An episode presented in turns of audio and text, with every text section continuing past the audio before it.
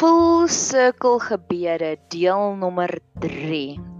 So, ek glo dat daar gaan 'n seisoen kom in ons lewe wat ons we going to connect the dots. Ons gaan verstaan, o, maar dit is hoekom dit moes gebeur het in ons lewe en dit het gelei dat daai ding gebeur het en daai ding het gelei dat daai ding gebeur het. En daai ding wat gebeur het het my so gevorm dat ek daai persoon ontmoet het. En daai persoon wat ek ontmoet het het my so geleer van dit om na die lewe so te kyk dat met elke insident ons ek glo ons dien regtig waar die mees strategiese God ooit wat alles het 'n plek en alles het 'n doel en alles het 'n seisoen. Laat ons bid nou vir daardie wysheid vir jou en vir my vir die goeie goed in ons lewe en vir die slegte goed in ons lewe dat ons die full circle kan sien dat ons die boek kan sien wat van begin tot einde geskryf is. Eat Pray Love vertel van sy misterie egskeiding gaan om haarself te ontdek toe sy haarself ontdek het toe sy vir God ontdek toe sy vir God ontdek het toe sy die liefde ontdek. En ek glo so het ons 'n Eat Pray Love of 'n pragtige storie wat ek nou eendag gesien Frozen, daar's nou 'n tweede Frozen. Daar's 'n Frozen storie, daar's 'n Lion King storie vir elke liewe insident wat in ons lewe gebeur het. So dis nou my gebed is dat God vir ons daardie vol sirkel kom gee. Dat dit soos o, hierdie hoofstuk is nou afgehandel want ek kan dit nou verstaan. Dan hou ek gewoonlik daarvan om 'n persoonlike getuienis storieetjie met te deel om met die potgoeie te begin. Ek het 'n potgooi geluister van Rob Bell en Rob Bell dit was 'n instigator en baie keer vol sirkel. Dan kry ons 'n broodkrummeltjie hier en ons stap 'n entjie verder soos Hansie en Griek en ons kry weer 'n broodkrummeltjie en ons kry weer en ons stap weer 'n entjie verder en ons kry weer 'n broodkrummeltjie. So Rob Bell het in sy potgooi het hy verduidelik dat soos wat jy geestelik groei, so gaan jy agterkom maar jou groep in Engels is daar 'n lekker woord. Ek dink nie ons het 'n lekker woord vir peer nie. Jou peers, soos jou groepsdruk. Ja, in Afrikaans is dit ook net peer, maar dit gaan nie lekker werk nie wat um 'n peer is iets wat jy eet, nê. Nee, ons almal weet, portuïergroep, dis hy, portuïergroep. So hy vertel jou portuïergroep gaan verander soos jy geestelik groei. En ek het al die slegte kant daarvan gesien van Jesus wat sê 'n profeet word nie erken in sy eie familie in sy eie land nie, nê. So ek het dit al ondervind van mense wat van tevore mal was oor my en baie lief was vir my, soos ek geestelik groei is hulle soos die e factor met my soos u hulle vermy my of hulle is daar's konflik of dis net sleg. So dan begin jy agter toe kom, okay, ek dink nie meer ek en jy is op dieselfde bladsy nie. Maar die nou wil ek sê jare later en ek is nou op die magical plek van jaar 7 met intiem loop met God. So in my in my stappie met die Here het ek nou al aan die ander kant gekom waar daar kom mense oor my lewe wat op 'n natuurlike vlak is ek en hierdie persoon glad nie veronderstel om te connect nie. Maar daar's hierdie diep koneksie met my en die persoon en geen woorde kan dit omskryf nie en dit is so radikaal. Ek praat van mense wat op ander kontinente gebore is, wat ander tale praat, wat 30 jaar ouer is as ek of 20 jaar jonger is as ek of heeltemal ander gelowe, ander godsdienste beoefen. Maar daar's iets wat connect en daar's 'n energie uitruil transaksie wat so uniek en so besonder is, nê. Nee, daar's gedeeltes van myself wat ek openbaar aan sekere mense wat op die natuurlike riem glad nie sin maak nie. En die tweede broodkrummeltjie wat ek gekry het, is een van my beste vriendinne is 13 jaar ouer as ek. En sy's heeltemal in 'n ander seisoen as ek. Sy's getroud, pragtig en twee kinders. Die kinders is al die een het nou net matriek geskryf en die ander een is tiener. Sy werk heeltemal in 'n ander in 'n ander omgewing as ek. Ons inkomste vlakke verskil. Alles verskil. Sy is introvert, diep vertrou nie baie mense nie. Ek is 'n sosiale vlinder. Ek het baie vriendinne. Maar die die koneksie tussen my en haar is radikaal. En haar man het eendag vir gesê hy kan nie verstaan waaroor praat ek en sy nie want waaroor kan ons en ons kan vir ure lank praat. En want hy sê want alles wat jy het in die lewe het sy nie en alles wat sy het het jy nie. En um ek is nog op die dating scene sy reël haar IDD IDW annual diddle weekend elke jaar en maar ons connect ons connect op so 'n diep vlak. En ek het dit verder gevat en ek het gaan navorsing doen oor daar's flieks. 7 Years in Tibet met Brad Pitt is 'n ware verhaal waar die Dalai Lama met hierdie Oostenrykse stapper, ek dink hy was 'n stapper. Ja, 'n climber. Heinrich Harrier, um die Oostenrykse stapper wat hulle twee het beste vriende geraak. Die Dalai Lama wat grootgemaak wat gegroom is in 'n geestelike arena word beste vriende met hierdie grouwe man. Hy's regtig waar hy is soos 'n uh, ek kan net dink nie 'n Chuck Norris nê nee. dis is Chuck Norris wat beste maatjies raak met Dalai Lama nê nee. en hulle het hierdie diep vriendskap en die res van die wêreld het gedink dis so weird maar dit wat hulle vir mekaar gegee het was so anders en dan's daar nog 'n verhaal wat wat die hele wêreld het hulle geshan maar niemand kon dit verstaan nie en daar was daar's hierdie verhaal van Queen Victoria die vorige koningin wat hierdie beste vriendskap aangeknoop het met een van haar die Indiër werksmanne in haar paleis, een van haar diensknegte wat ook omtrent 30 jaar jonger was as sy. En van al die raadgewers en al die mense wat sy rondom haar gehad het, was hy haar beste vriend. En die familie het gedink is baie weird en dit wat hulle van mekaar gegee het, was net so radikaal. So ek wil vir jou sê, ek het 'n lang paadjie gestap van wat ek amper nie vir mense gesê het waar kry ek al my inligting of wie voed my of wie en nou dat ek my full circle journey is kan ek regtig vir met alle lof sê dis 'n natuurlike verskynsel dat jou portuïergroepe gaan verander. En niemand kan dit verstaan nie en niemand hoef dit te verstaan nie maar dis 'n geskenk vanuit God se hand uit So ja, daar's my storie oor snaakse vriendskappe, ongewone vriendskappe en mag jy elke een van hulle geniet. So, ek wil ek wil hierdie quote eers vir jou lees en dan het ek twee storieetjies, dalk drie storieetjies. Deeper laws can be discerned only if we view events in the external world with the deepest subjectivity as an artist or a mystic mind. Ek gaan hom weer sê en, en ek sal hom hier onder in die beskrywing sê as my Engels nie so goed is nie. Deeper laws can be discerned only if we view events in the external world with the deepest subjectivity as an artist or a mystic mind. So, ek is 'n profeet volgens die redemptive gifts in in Romeine 12 en ons verstaan, ons as profete verstaan geestelike wette. Ons verstaan karma baie natuurlik, nê. Nee.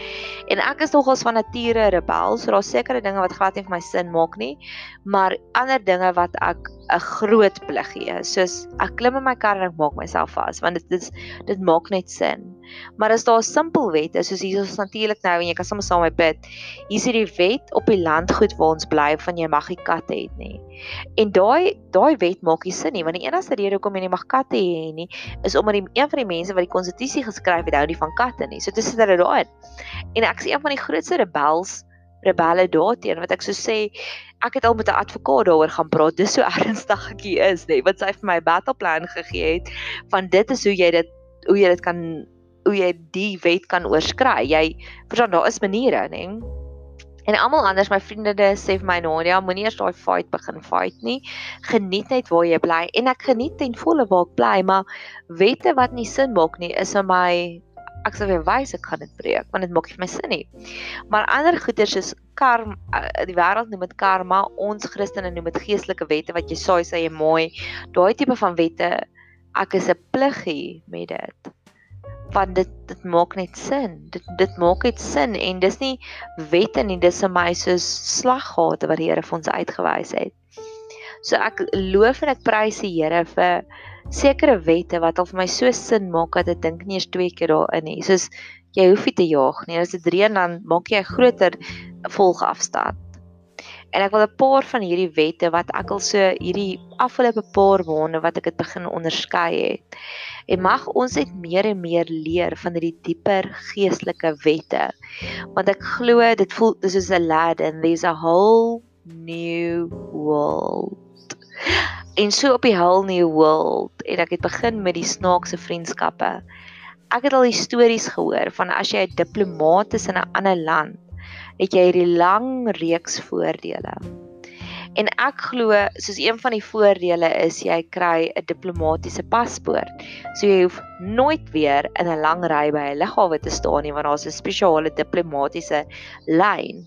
En dit is wat presidente kry en dis wat diplomate kry. Hulle hoef nie in die lang rye by die grens te staan nie. Dis hoekom jy nooit langs Donald Trump sal staan. Ek mis nou baie strategies gekies het by 'n lughawe nie want al het ander rye.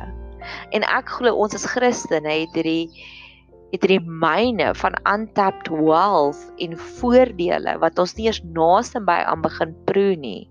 En dis waarna ek op soek is en is net deur geestelike wette wat ek glo wat jy daarbey gaan inkom. En ek het vir jou een storie daarbey. Oes waar jy nie gesaai het nie. Ek het 'n paar maande terug het ek begin regtig voor in Zoom op hierdie skrifgedeelte. En ek het dit uitgespreek oor my lewe en oor almal wat ek geontmoet het wat ek gesê het, mag jy oes waar jy nie gesaai het nie. En op hierdie stadium die bediening is nou 3 jaar oud en ek weet vir die eerste 2 jaar daarvan het ek regtig waar hard gewerk. Ek het intens hard gewerk, meen ek het eers vir 4 jaar voor dit intens aan myself gewerk en aan my verhouding met God. So die oomblik toe ek in bediening staan, toe het dit het ek net begin werk aan die bediening en ek het die bediening bemark en ek het vir mense vertel daarvan en ek het afsprake gemaak en ek was die amper die mindere in die kamer wat ek gesê het ek is nie ek weet nie. Ek wil jou vertel van my konsep of die konsep het nou begin maar ons het hierdie probleem so vertel my daarvan. En dit was baie intense harde werk maar dit was baie lekker werk. Maar so 2 weke terug en um ons het 'n sosiale media bladsy ons het baie sosiale media maar dit vat aktiewe bemarking om die hele tyd dit gevoed te hou en daarin te werk en swan dis baie lekker Maar 2 weke terug het ek saam met 'n vriendin van my wat 'n publieke figuur is, het ons 'n koffietjie gaan drink en apple pie geëet.